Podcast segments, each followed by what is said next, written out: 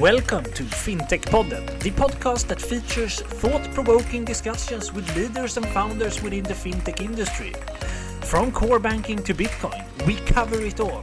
Now, get ready for the next episode. Hi, and very welcome back to another episode of FinTech Podden. In today's episode, we have in, uh, invited Christian Sternroos from FinShark to talk about recurring payments. Very welcome to FinTech Podden, Christian. Thanks very much. It's great to be on FinTech Podden today. Yes, really nice to have you here. And you are one of the co founders of FinShark. Could you please give us an introduction to yourself and a little bit about what FinShark is doing? Sure, of course. Uh, so, first off, my name is Christian Sternroos. I'm one of the co founders of FinShark. I'm based in, in Lund, in southern part of Sweden. Um, I have a background to begin with as a management consultant, but about 10 or 12 years ago, I kind of changed um, my path, and went into the entrepreneurial life, and I've so far been a co-founder of two companies and been uh, fortunate enough to be able to sell them as well. And then I met up with Adnan and Jesper, the two other co-founders of FinShark, back in the fall of 2018 and we realized that for different reasons we are were actually at the same point in time interested in the same things. We were looking into the PSD2 legislation and saw massive opportunities in the time ahead and decided to form finshark and, and the company was born in the beginning of 2019 so i would say that since then we've been working building and also of course trying to sell and market uh, our services and solutions so right now in FinShark, I'm mainly focusing on the commercial side, uh, creating partnerships uh, and trying to to really push our position on the market to show what we are capable of, of delivering. Before we jump into today's topic, uh, can you give us some facts about uh, FinShark? Yeah, exactly. Some some short facts. Well, we were uh, established in, in 2019 in the beginning, and um, we received our license from the Swedish FSA, Finansinspektionen, in January uh, this year, 2021. And I'll always remember that date. It was January 28th, and that was such a huge milestone. Actually, my, my co-founder Adnan, he almost fainted, while I, on the other side, I screamed so much that the neighbors actually came into the kind of our uh, office and asked what's going on, and, and we were pretty much just crazy because it was such a huge achievement for us. Uh, so that was a great day. Uh, we're 25 full time employees. And I mean, of course, we are super tech heavy, so to speak. So out of the 25, 20 are developers. And what is a cool fact is that actually, out of those 20 people, over 60% is actually 65% are female developers, and they are super awesome as well. So I think that for any tech company, that that is quite astonishing. Mm. But the fact that they are so skilled is something that we are immensely proud of as well.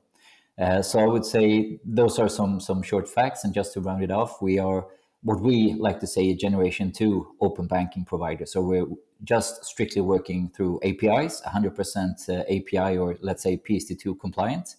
And we are um, using and, and selling and, and, delivering data solutions, for, for instance, to, to enable smoother and simpler credit scoring, but also different kinds of payment solutions to help our customers to get paid or either either to pay out to their customers depending on the needs of course Great. And then uh, we take a look into today's topic, recurring payments.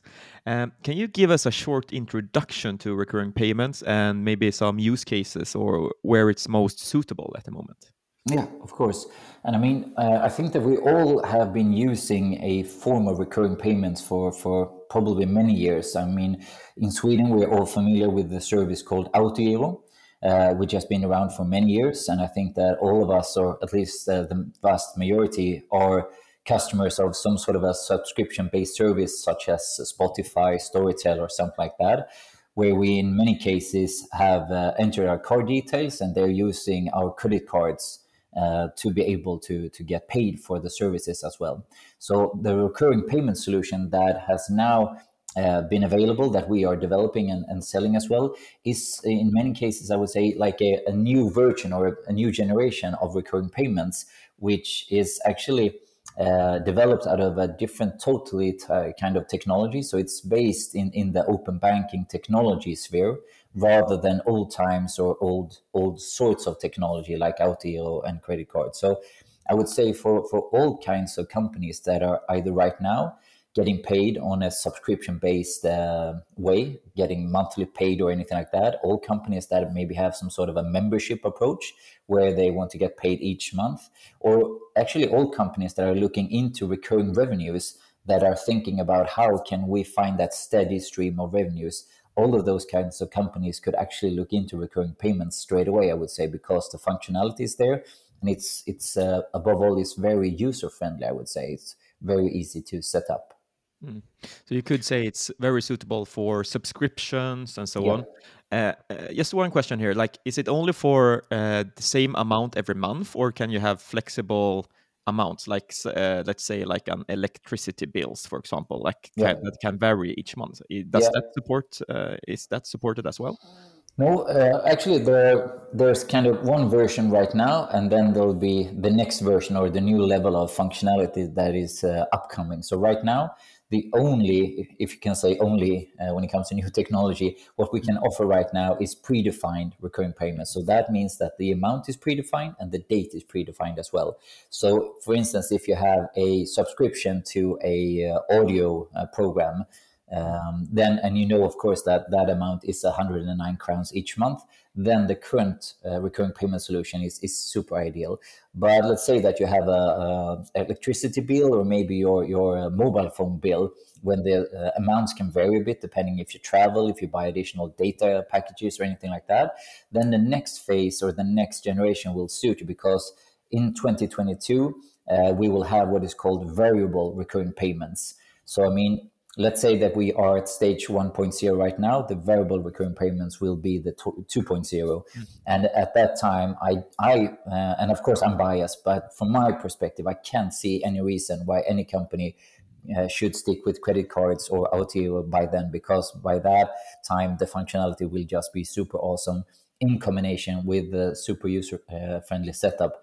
And those uh, i mean already now the recurring payments can actually be set up from pretty much any channel through an SMS, an email, an app, website, and so on. So if you combine the user friendliness of getting getting into the payment solution with the fact that almost any kinds of companies that have recurring revenue can use them, I think. I mean, uh, it's always hard to talk about other technology and so on since since you're biased, but I think that this is really a viable option. Yeah, sounds really interesting, and and you, you mentioned PSD2 and open banking. And apart from the things that you just mentioned, what, what other benefits do you see uh, with your solutions compared to the more traditional uh, solutions for recurring payments? Do you see?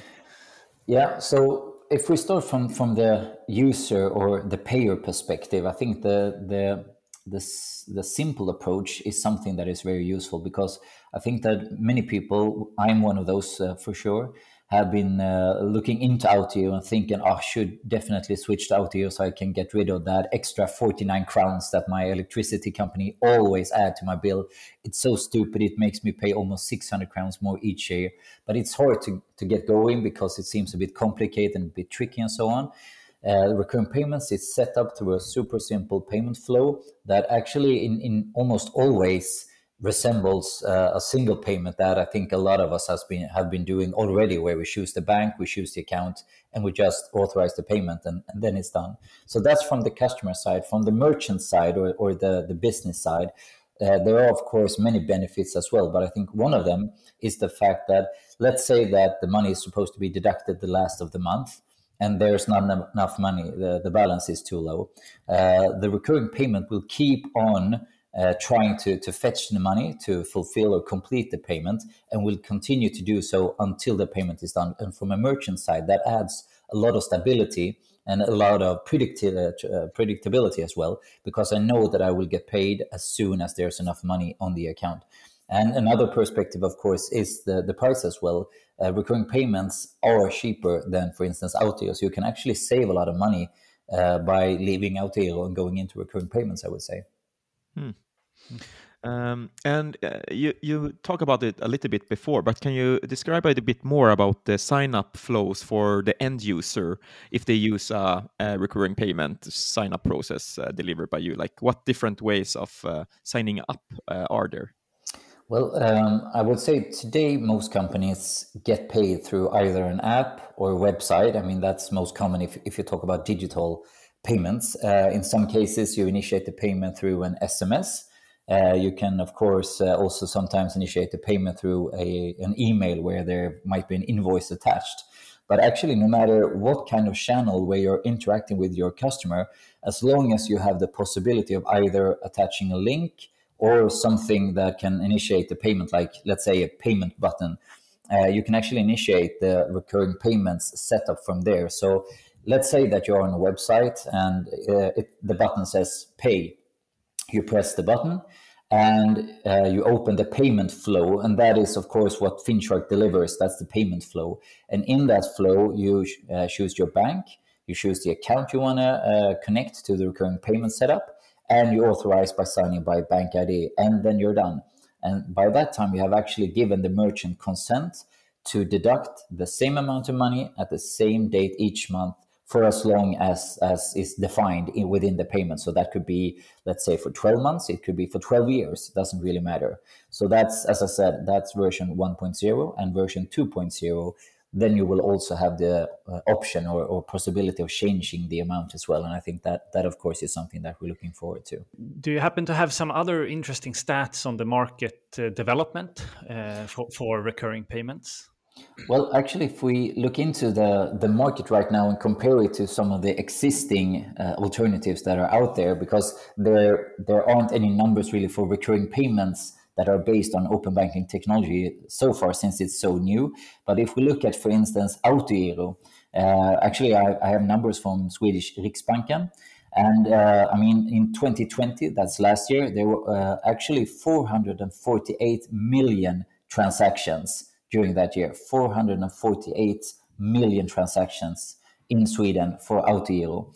So I mean, it, it's it's a huge uh, number of transactions, and the the monetary amount or the the volume was actually over 630 billion Swedish crowns during 2020. So we can see that just by replacing a small portion of the Autogiro market, uh, the numbers are really big as well.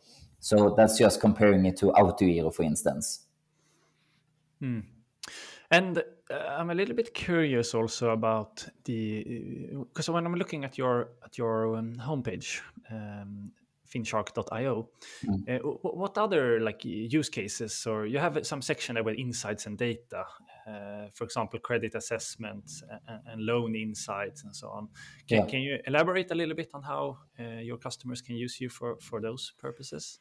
Yeah, sure. Um, so um, we are licensed as a payment uh, uh, initiation service provider, but also an account information service provider, which means that we are kind of working on, on two different product areas. One is payments, of course, with different solutions, but the other one, we, we call it financial insights. And that is based uh, on the fact that we can, given someone's consent, of course, we are able to, to fetch data and analyze that uh, in real time. So that actually means that if you're a credit company uh, providing either credits or financial solutions for consumers or corporations, um, you might come to the realization or the conclusion that we're actually looking at pretty old data when we're looking at um, income statements from actually 2019 or 2020. A lot might have happened since then. Somebody might have lost a job, somebody might have gotten the first job, uh, somebody might be paying a lot to, to different. Um, uh, let's say collectors or they might actually have gotten rid of all those collection debts and so on. So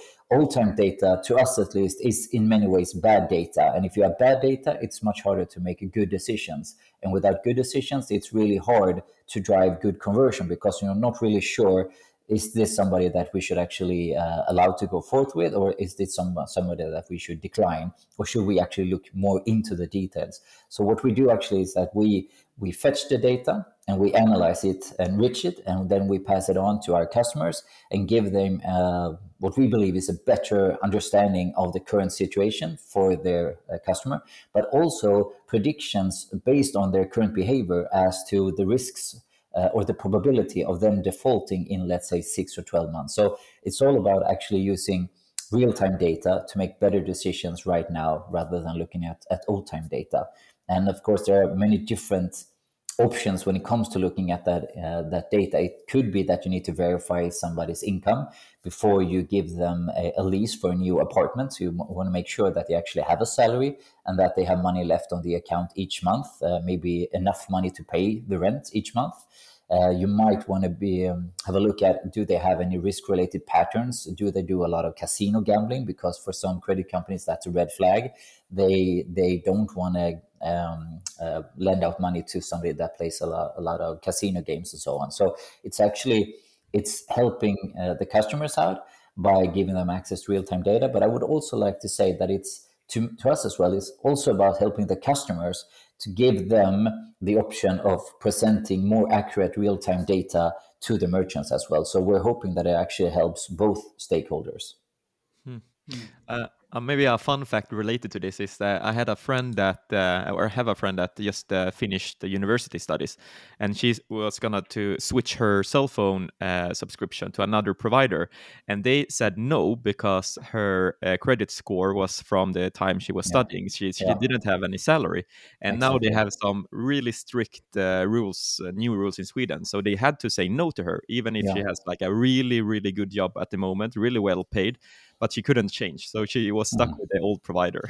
yeah, yeah, and I mean it's it's hard sometimes to get stuck in those in between phases as well, and and you're still a grown up, but you might even then be forced to kind of get your parent, your dad, or your mom to co-sign or something like that, even though you actually have your first job, and that that's a bit weird, I would say. Yeah, but then if my understanding is correct, uh, your product could help with this. Like you could both give uh, the, um, uh, the, the insight on the credit scoring uh, from the user for to the uh, cell phone subscription in this case, but you can also provide the payment methods for this type yeah, of payments. Exactly. So that is what we're we're aiming for. We're we're trying to solve as many pieces in in the customer journey as possible. So that could of course be to to help understand somebody's financial uh, situation and, and we can play a part of that understanding or we can provide uh, the majority of the understanding but also in, in, the best scenario also provide the payment solution to be able to, to get paid from the customer.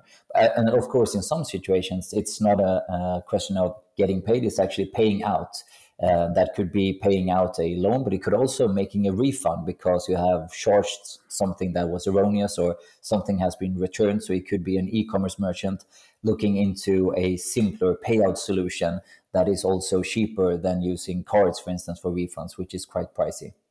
Hmm. Uh, and looking a bit ahead, like what's uh, the next steps for uh, FinShark in this area?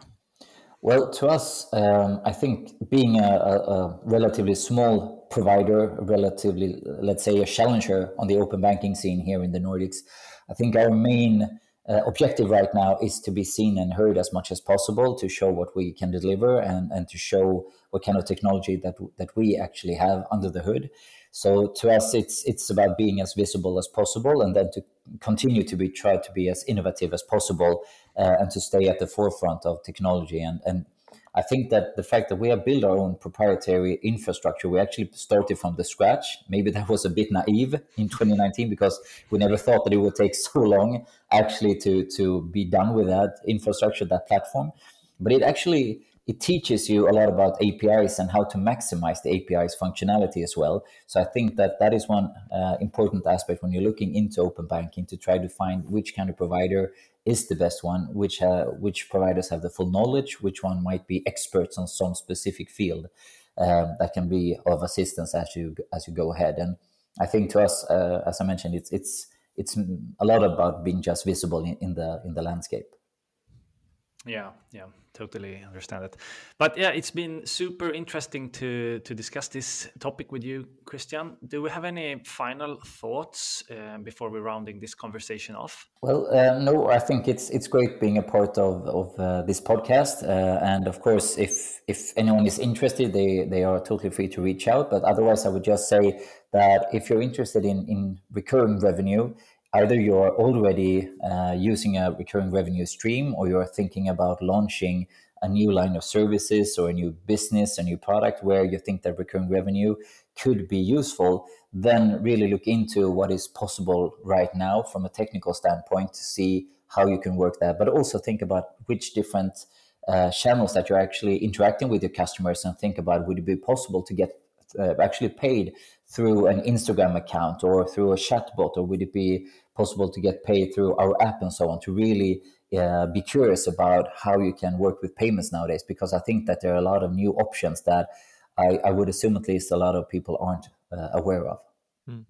And where can they find this information? Well, uh, of course, they're always uh, very welcome to, to go into the website of, of FinShark, finshark.io. But I think that there's a lot of information if you just browse around and kind of look for information recurring recurring payments, uh, looking into open banking and so on. But I mean, if you reach out to me on LinkedIn, I would be glad to, to provide you with additional information and studies and so on uh, to kind of kick off the information searching. Perfect. And we will provide you a link to your LinkedIn profile in oh. the, the, description. All right, thanks. Uh, it's been super nice to have you here. Thank you so much for joining in and talking in FinTech Podden. Thank you very much as well. Yes. And uh, let's take a follow up conversation in, in, a, in, a, bit further into the future and see where, where you are with the uh, fin, uh, FinShark. Yeah, well, would be glad to. Perfect. Thank you. And bye bye. Thank you. Bye bye. And that was it for today's episode. We hope that you liked it. Both I and Johan are very happy and thankful that you're listening to us. And if you like what we do here, please go into iTunes or whatever platform you're listening from and leave a review or a rate. We would appreciate that a lot. We will soon be back with another episode, and until then, have a good time.